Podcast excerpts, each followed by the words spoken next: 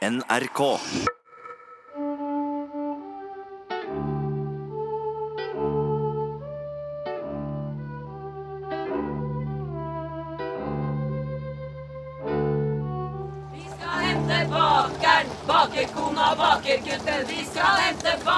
Mennesker er født frie og forblir frie og like i rettigheter. Sånn begynner den franske menneskerettighetserklæringen, skrevet og vedtatt av nasjonalforsamlingen i august 1789. Vi vet ikke om Ludvig den 16., kongen, leste erklæringen, men han ville iallfall ikke godkjenne den. Kongen burde lest det som står i artikkel 2, som sier at en ukrenkelig menneskerettighet er motstand mot undertrykkelse. For den 5. oktober 1789, en kald og regnvåt dag, drar et tog av sinte kvinner fra Paris. De går i nesten to mil gjennom regn og i gjørme til kongens slott i Versailles. Vi synger gjennom hele marsjen. Sangen om bakeren, bakekona og bakegutten handler om kongen, dronninga og den lille prinsen. Vi veit at det ikke mangler noe. Vi veit at den østerrikske merra spiser makroner og briocher og det som verre er, når hun måtte ønske. Og nå skal hun bake for oss.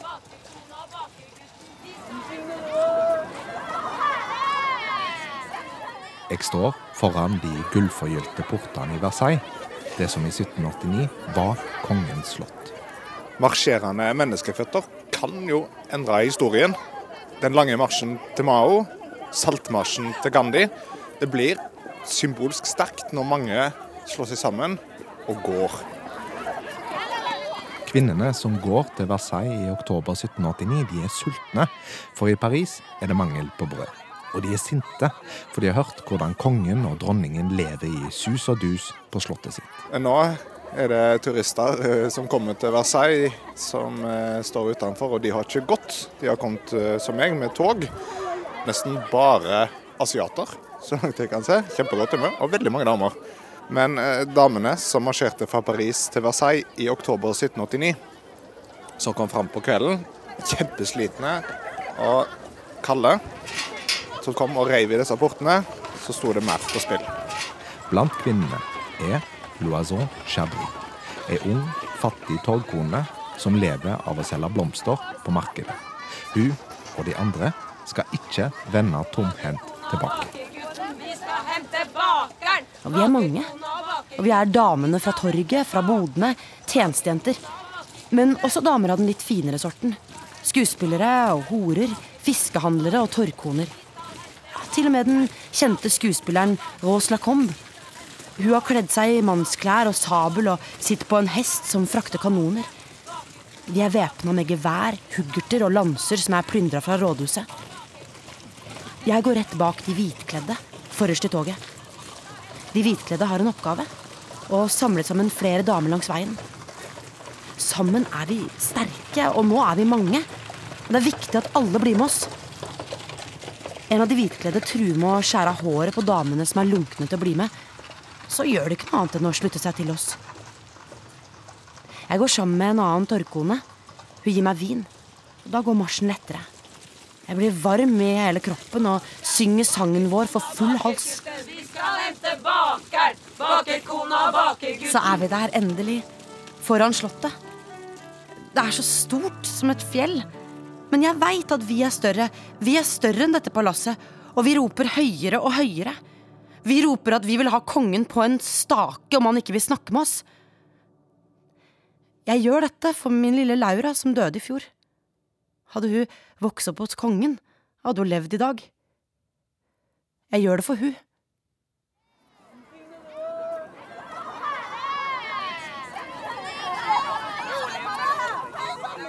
Det er høy selfiefaktor på den store Place d'Arme foran Versailles-slottet i dag.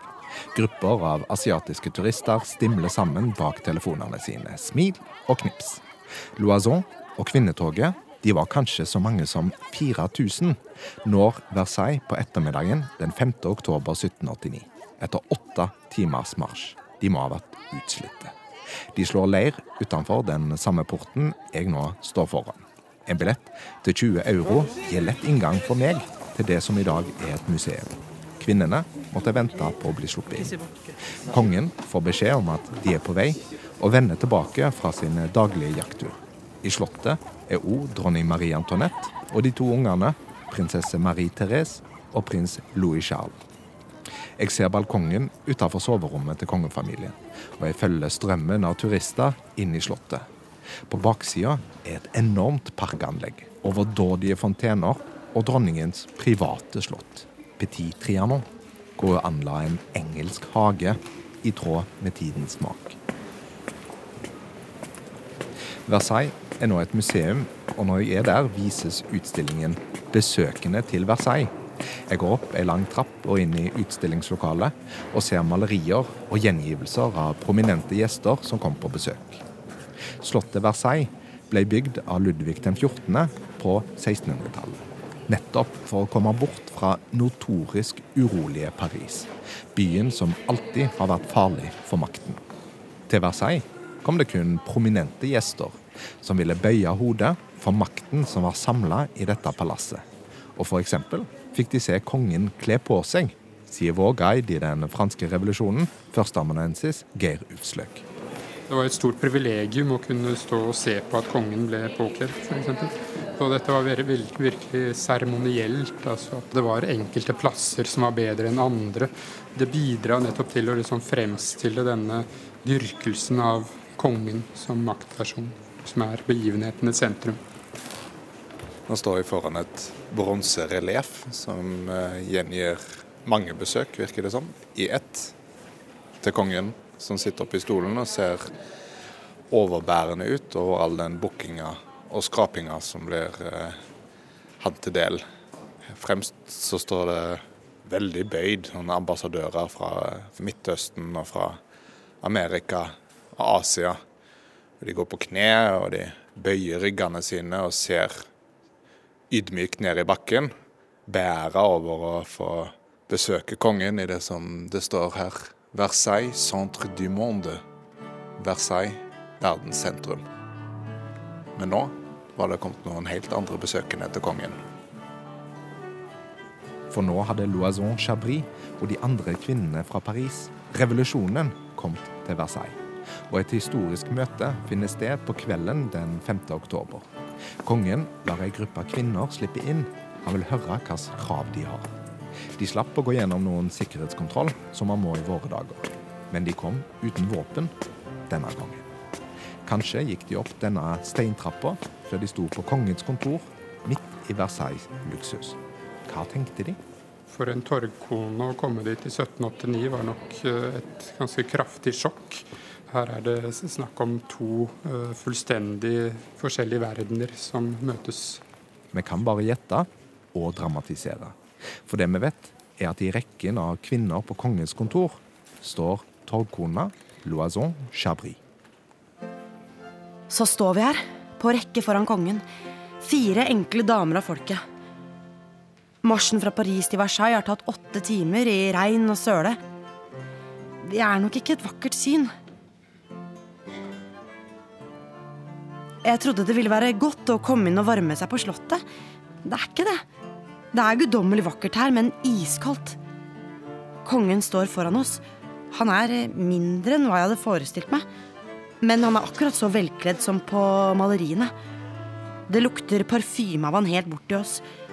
Vi presenterer oss. Nathalie gjør det med høy og frekk stemme. Charlotte gjør det med et eh, pinlig og lattervekkende bukk. Så er det min tur. Loisa Chabris, blomsterhandler, sier jeg høyt og tydelig. God dag, god dag. Loiseau Chabry, blomsterhandler. Kongen ser lenge på meg. Dette hadde jeg ikke venta meg, at, at, kongen skulle si navnet mitt.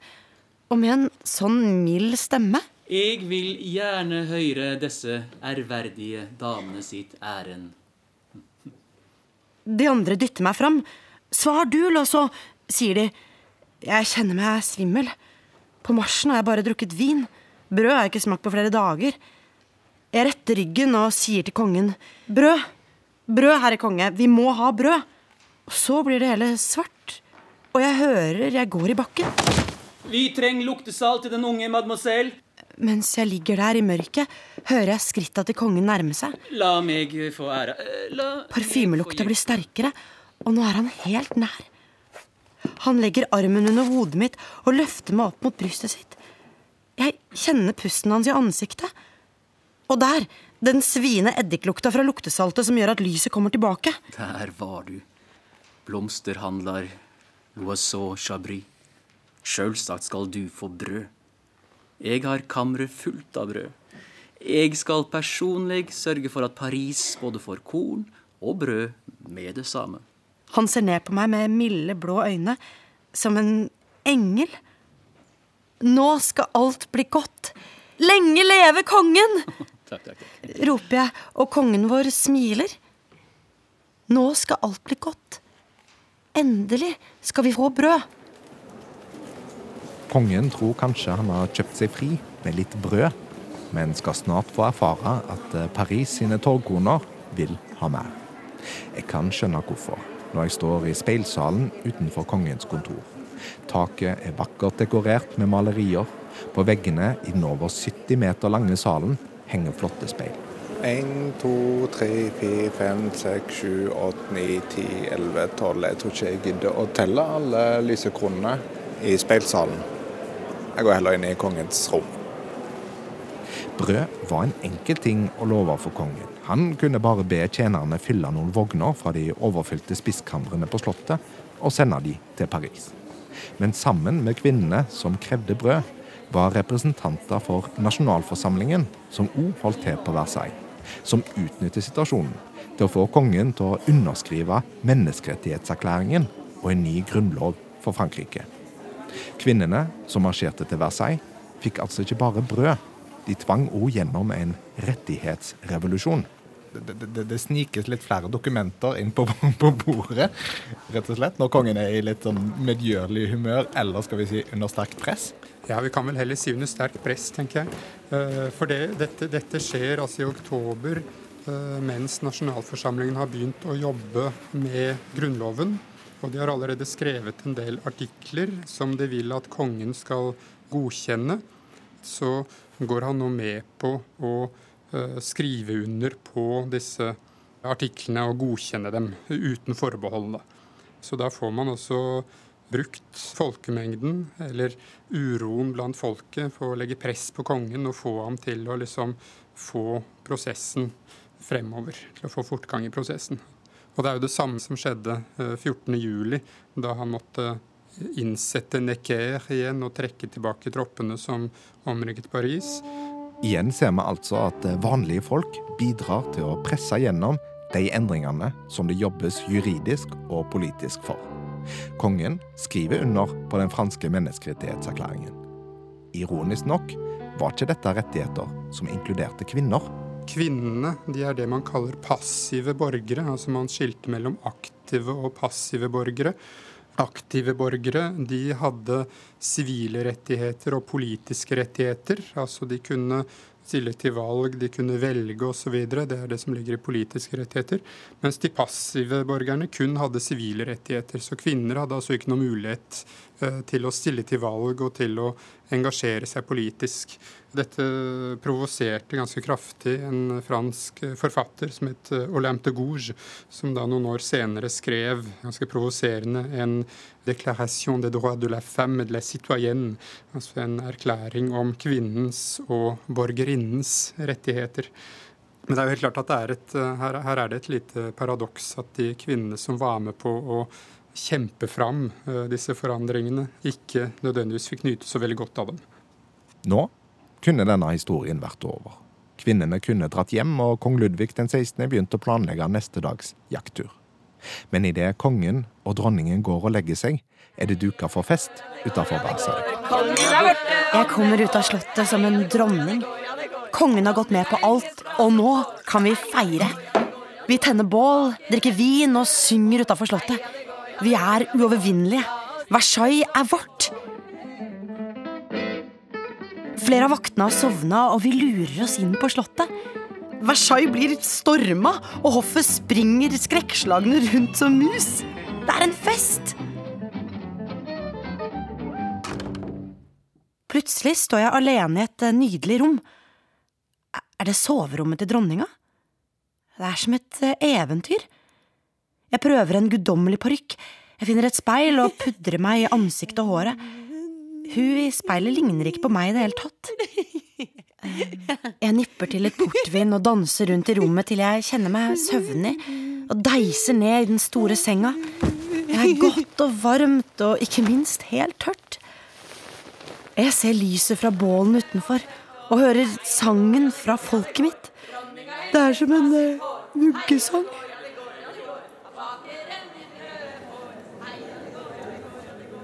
Her var det absolutt helt smekkende fullt. Nå står jeg helt bakerst i rommet, klemt inntil ei svær rød gardin og ser over hodene på 1000 turister som ser på ei seng. Er det senga til Marie Antoinette? Ei helt fantastisk himmelseng. Fem meter høy. Voldsomt flotte utskjæringer og utsmykninger. Og påfuglfjær på toppen og lang, rød gardiner hengende rundt. Selve senga ser ganske vond ut og veldig høy. Den er jo halvannen meter høy.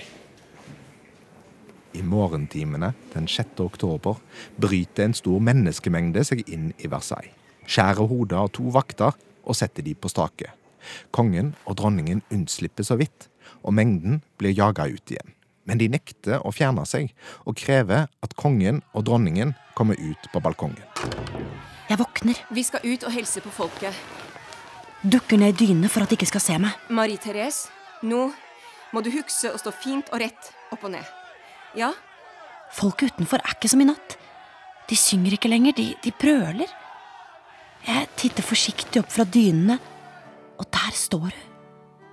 Marie Antoinette står og ser ut av vinduet med en gutt på armen og ei jente ved sida av seg. vi skal ut og hilse på folket. Hun ser redd ut. Marie Therese, nå må du huske å stå fint og rett opp og ned. Ja, Hun er bustete på håret og står bare i nattkjole med hvite og gule kanter. Så går hun ut på balkongen, og lyden fra massene blir sterkere.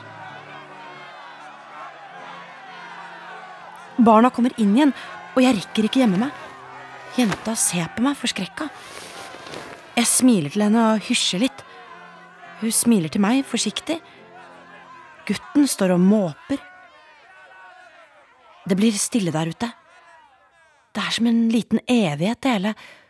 Så, plutselig, en stemme som roper Leve dronningen! Leve dronningen! Ingenting mer. Bare det. Ingen applaus, ingen sang, ingen brøl. Jeg gjemmer meg under dyna og hører skritta til Marie Antoinette. Jeg hører pusten hennes. kom, Den er skjelvende. barn. Sånn. Nå, nå skal vi gå og finne pappa. Kom, Marie Therese, kom. 6. oktober 1789 ble den siste dagen på Versailles for Marie Antoinette og kongefamilien. Folkemengden fikk ikke bare med seg brød tilbake til Paris. Kong Ludvig den 16. ga etter for presset og satte seg med kone og barn i vogna og rulla gjennom porten for siste gang. Når jeg forlater Versailles, treffer jeg på et middelaldrende fransk par. Jeg spør om de kjenner til kvinnemarsjen i 1789. Ja da, sier mannen. Et typisk eksempel på hva som skjer når urettferdigheten blir for stor. Euh, C'est comme aujourd'hui euh, les gens très pauvres euh, qui découvrent euh, les richesses. euh, Det samme skjer i dag, sier han. Når fattige opplever forskjellene som for store, da blir det opprør. le, contraste, le contraste est le même. Og folk i Paris i 1789 var sultne, sier han. Surtout qu'à cette époque, je pense que euh, le peuple de Paris euh, souffrait de la faim. Injuste? oui. oui. Det var urettferdig, konkluderer vi. Men hvorfor var det så viktig å bringe kongen til Paris? Eh, Jo, det er nettopp for at de skal da kunne kontrollere ham. Og da sier også for så vidt nasjonalforsamlingen sier at de er jo eh, For på den tiden så ønsker man også å få, altså få i stand et konstitusjonelt monarki. Og derfor er da eh, kongen er også representanten for den utøvende makt. Og nasjonalforsamlingen, eller den grunnlovgivende forsamling, de følger med kongen til Paris. Så dermed blir altså fra og med 6. oktober og utover så blir Paris det nye maktsenteret i Frankrike. Og vi var inne på det i starten, at Paris har vært et urolig sted som har vært farlig for makta før. Og det skal vel vise seg at Ludvig den 16. og Marie Antoinette og kongefamilien får demonstrert senere at det er farlig å dra inn til Paris. Absolutt. Der har du også ganske mange aktive politiske klubber. Du har ganske mange eh, radikale borgere. Og dette har fortsatt altså i fransk historie. Fremover så vil også Paris eh, både i 1830 og 1848 være liksom revolusjonenes by. Eh, det er der de store forandringene skjer.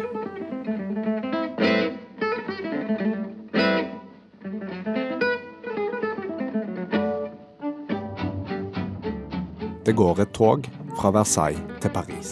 Kvinnene synger triumferende at eh, her kommer vi med bakeren, bakerkona og den lille bakergutten. Kongefamilien må hastig bosette seg i Tulleripalasset. Det blir hjemmet deres i over ett år, før de en mørk natt kler seg i vanlige klær og sniker seg ut i Paris sine farlige gater for å flykte. Hvordan det går, hører du i neste episode av Revolusjonen, det er meg.